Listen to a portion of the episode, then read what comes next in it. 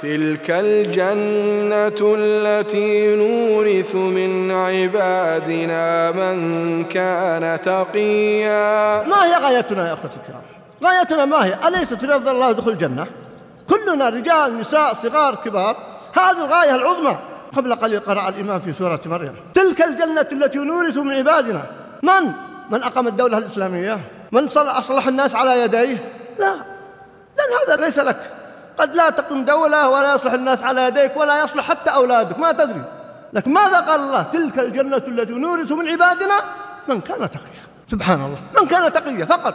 لم يربطها بالنتائج ولا بإقامة الدولة ولا بصلاح الناس ولا صلاح الأولاد ولا الأزواج.